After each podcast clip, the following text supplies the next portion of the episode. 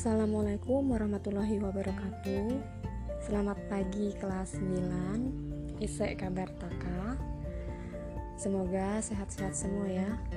Alhamdulillah hari ini kita masih diberi kesehatan dan kesempatan untuk terus belajar. Minggu lalu kita sudah belajar sampai di perkembangbiakan vegetatif pada tumbuhan angiospermae Nah, hari ini kita akan bahas kelanjutannya yaitu perkembangbiakan generatif pada tumbuhan Angiospermae. Apa itu perkembangbiakan generatif? Nah, jadi kebalikan dari perkembangbiakan vegetatif, yaitu perkembangbiakan yang terjadi melalui pertemuan antara gamet jantan dan gamet betina yang akan melibatkan dua induk yaitu induk jantan dan induk betina. Selain itu, perkembangbiakan generatif juga akan mengalami penyerbukan. Lalu terjadi peleburan antara gamet jantan dan gamet betina dan akan terjadi pembuahan atau fertilisasi yang nanti akan mengakibatkan keturunan yang diperoleh itu memiliki sifat yang beragam atau bervariasi sehingga reproduksi generatif itu disebut juga dengan reproduksi seksual Nah, jadi yang kita bahas hari ini ada dua poin utama, yaitu tentang bagian-bagian bunga dan penyerbukan atau polinasi. Kita langsung ke bagian pertama, yaitu bagian-bagian bunga. Sudah tahu ya kalian bahwa tumbuhan angiospermae ini punya alat atau organ perkembangbiakan yang kita sebut bunga. Nah, bagaimana dengan tumbuhan yang lain? Jadi tergantung dari jenis tumbuhannya. Misal kalau tumbuhan yang gymnospermae atau tumbuhan berbiji terbuka, alat reproduksi atau perkembangbiakannya itu disebut strobilus atau runjung. Bagaimana dengan tumbuhan paku dan lumut? Nah, untuk tumbuhan paku dan lumut, alat perkembangbiakannya disebut spora. Jadi, masing-masing tumbuhan punya penyebutan atau nama untuk organ atau alat reproduksinya masing-masing ya. Apa saja sih bagian-bagian bunga? Jadi, bunga itu terdiri atas tangkai bunga, lalu ada dasar bunga, ada perhiasan bunga dan alat kelamin bunga. Kalian bisa lihat di materi PDF yang di atas ya. Kalian buka aja sambil dengerin penjelasan Ibu. Jadi uh, bagian-bagian bunga tersebut punya fungsi masing-masing. Nah, kalian lihat di situ yang pertama di struktur bunga itu yang pertama ada nomor satu ada putik. Putik punya bagian-bagian. Yang nomor dua itu namanya kepala putik, terus yang nomor tiga itu tangkai putik, yang nomor empat itu bakal buah, yang nomor lima itu bakal biji. Nah, apa sih fungsinya putik? Jadi fungsi dari putik itu adalah sebagai alat perkembangbiakan betina. Lalu nomor 6 itu ada kelopak bunga. Nah, kelopak bunga ini bagian dari perhiasan bunga. Fungsinya untuk apa? Fungsinya untuk melindungi mahkota bunga ketika masih kuncup. Kemudian nomor 7 itu ada tangkai bunga. Lalu nomor 8 ada benang sari Benang sari itu terdiri atas bagian-bagian. Yang nomor 9 namanya tangkai sari, yang nomor 10 namanya kepala sari. Apa fungsinya benang sari? Benang sari ini berfungsi sebagai alat kelamin bunga, yaitu alat kelamin jantan. Lalu nomor 11 itu ada yang bagian oranye itu yang warna oranye itu namanya mahkota bunga. Nah, mahkota bunga ini juga sebagai perhiasan bunga. Untuk apa? Fungsinya untuk membantu atau menarik perhatian dari serangga sehingga proses penyebrukan itu lebih cepat. Nah, jadi itu bagian-bagian bunga ya. Nah, lalu mungkin kalian sudah pernah dengar, jadi waktu di SD kalian sudah pernah belajar berdasarkan bagian-bagiannya bunga itu dibedakan menjadi dua macam. Ada yang namanya bunga lengkap dan bunga tidak lengkap. Bunga leng bunga yang dikatakan bunga lengkap adalah bunga yang memiliki semua bagian-bagian bunga.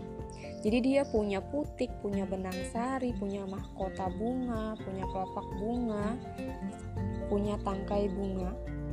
Nah, lalu yang kedua tadi ada yang dikatakan bunga tidak lengkap. Nah, bunga tidak lengkap ini merupakan bunga yang tidak memiliki beberapa bagian bunga. Misal ada bunga yang cuma punya benang sari saja, tidak ada putiknya, gitu ya. Jadi dia dikatakan tidak lengkap kalau ada satu bagian bunga yang tidak ada. Kemudian berdasarkan letak alat kelaminnya, bunga juga disebut sebagai bunga sempurna dan bunga tidak sempurna. Bunga sempurna merupakan bunga yang memiliki benang sari dan putik pada satu bunga. Jadi satu bunga itu ada putik dan benang sarinya. Lalu ada yang bunga tidak sempurna, itu kalau bunga tidak sempurna berarti satu bunga itu dia cuma punya putik saja atau hanya punya e, benang sari saja. Gitu ya. Jadi berdasarkan bagian-bagiannya ada bunga lengkap dan bunga tidak lengkap. Bunga lengkap dan tidak lengkap itu berdasarkan bagian-bagian. Misal ada mahkotanya dia nggak punya, dia nggak punya kelopak, gitu ya Terus kalau bunga sempurna dan tidak sempurna berdasarkan alat kelaminnya. Oke, cukup di sampai di situ untuk uh, struktur dan bagian-bagian bunga. Kita lanjut ke polinasi atau penyerbukan. Apa itu polinasi atau penyerbukan? Nah, jadi penyerbukan adalah peristiwa menempelnya serbuk sari pada kepala putik peristiwa jatuhnya serbuk sari di atas kepala putih. Nah, penyerbukan ini berlangsung dengan dua cara, ada cara alami dan cara buatan. Tumbuhan memerlukan faktor perantara dalam melakukan penyerbukan. Penyerbukan dibedakan berdasarkan faktor perantaranya dan berdasarkan asal serbuk sari yang jatuh pada kepala putik. Nah, sekarang kita bahas dulu yang penyerbukan berdasarkan faktor perantara. Penyerbukan berdasarkan faktor perantara dibedakan menjadi empat macam. Yang pertama, anemogami, yaitu penyerbukan dengan bantuan angin. Nah, contohnya adalah tanaman jagung dan padi. Apa sih ciri-ciri bunga yang penyerbukannya dibantu oleh angin? Pertama, biasanya tidak memiliki nektar. Yang kedua, serbuk sari halus, ringan, jumlah serbuk sari banyak, dan kering sehingga mudah diterbangkan oleh angin. Yang ketiga, putiknya memiliki kepala putik yang besar, permukaannya luas, serta dilengkapi dengan bulu-bulu perekat sehingga mudah menangkap serbuk sari. Dan yang keempat, tangkai sari panjang dan menjulur keluar. Kemudian perantara yang kedua ada yang disebut hidrogami. Hidrogami ini adalah penyerbukan dengan bantuan air. Jadi, penyerbukan ini hanya terjadi pada tumbuhan yang hidup di air. Misalnya Hydrilla verticillata. Yang ketiga, zoidiogami. Nah, zoidiogami zoo ya, zoidiogami ini artinya penyerbukan dengan bantuan hewan. Nah, lalu nanti tergantung dari hewannya lagi, hewan apa yang membantunya. Contohnya ada yang dikatakan entomogami. Nah, entomogami ini penyerbukan yang berlangsung dengan bantuan serangga. Apa sih ciri-ciri bunga yang penyerbukannya dibantu oleh serangga? Ciri-cirinya yang pertama, punya warna yang menarik. Jadi mahkota bunganya biasanya warnanya cerah-cerah. Terus punya serbuk sari sangat lengket sehingga mudah melekat pada kaki serangga. Contohnya bunga mawar, bunga matahari, dan lain-lain. Pokoknya yang mencolok warnanya berarti dia dibantu oleh serangga. Lalu ada yang disebut ornitogami. Nah, ornitogami ini adalah penyerbukan yang berlangsung dengan bantuan burung. Misalnya dibantu oleh burung isap madu dan burung kolibri. Nah, bunga yang penyerbukannya dibantu oleh burung biasanya punya nektar dalam jumlah banyak dan memiliki mahkota yang berbentuk trompet. Contohnya bunga dadap. Yang ketiga, ada yang disebut kiropterogami. Nah, Kiropterogami ini adalah penyerbukan yang dibantu oleh kelelawar. Nah, contohnya bunga, contohnya tanaman kaktus. Nah, tanaman kaktus ini dibantu oleh kelelawar. Ciri-cirinya biasanya bunganya memiliki nektar dan mekar pada malam hari. Nah, jadi kita tahu ya bahwa kelelawar ini termasuk hewan nokturnal atau hewan yang beraktivitas pada malam hari. Jadi, dia ternyata juga bisa membantu penyerbukan pada tanaman kaktus.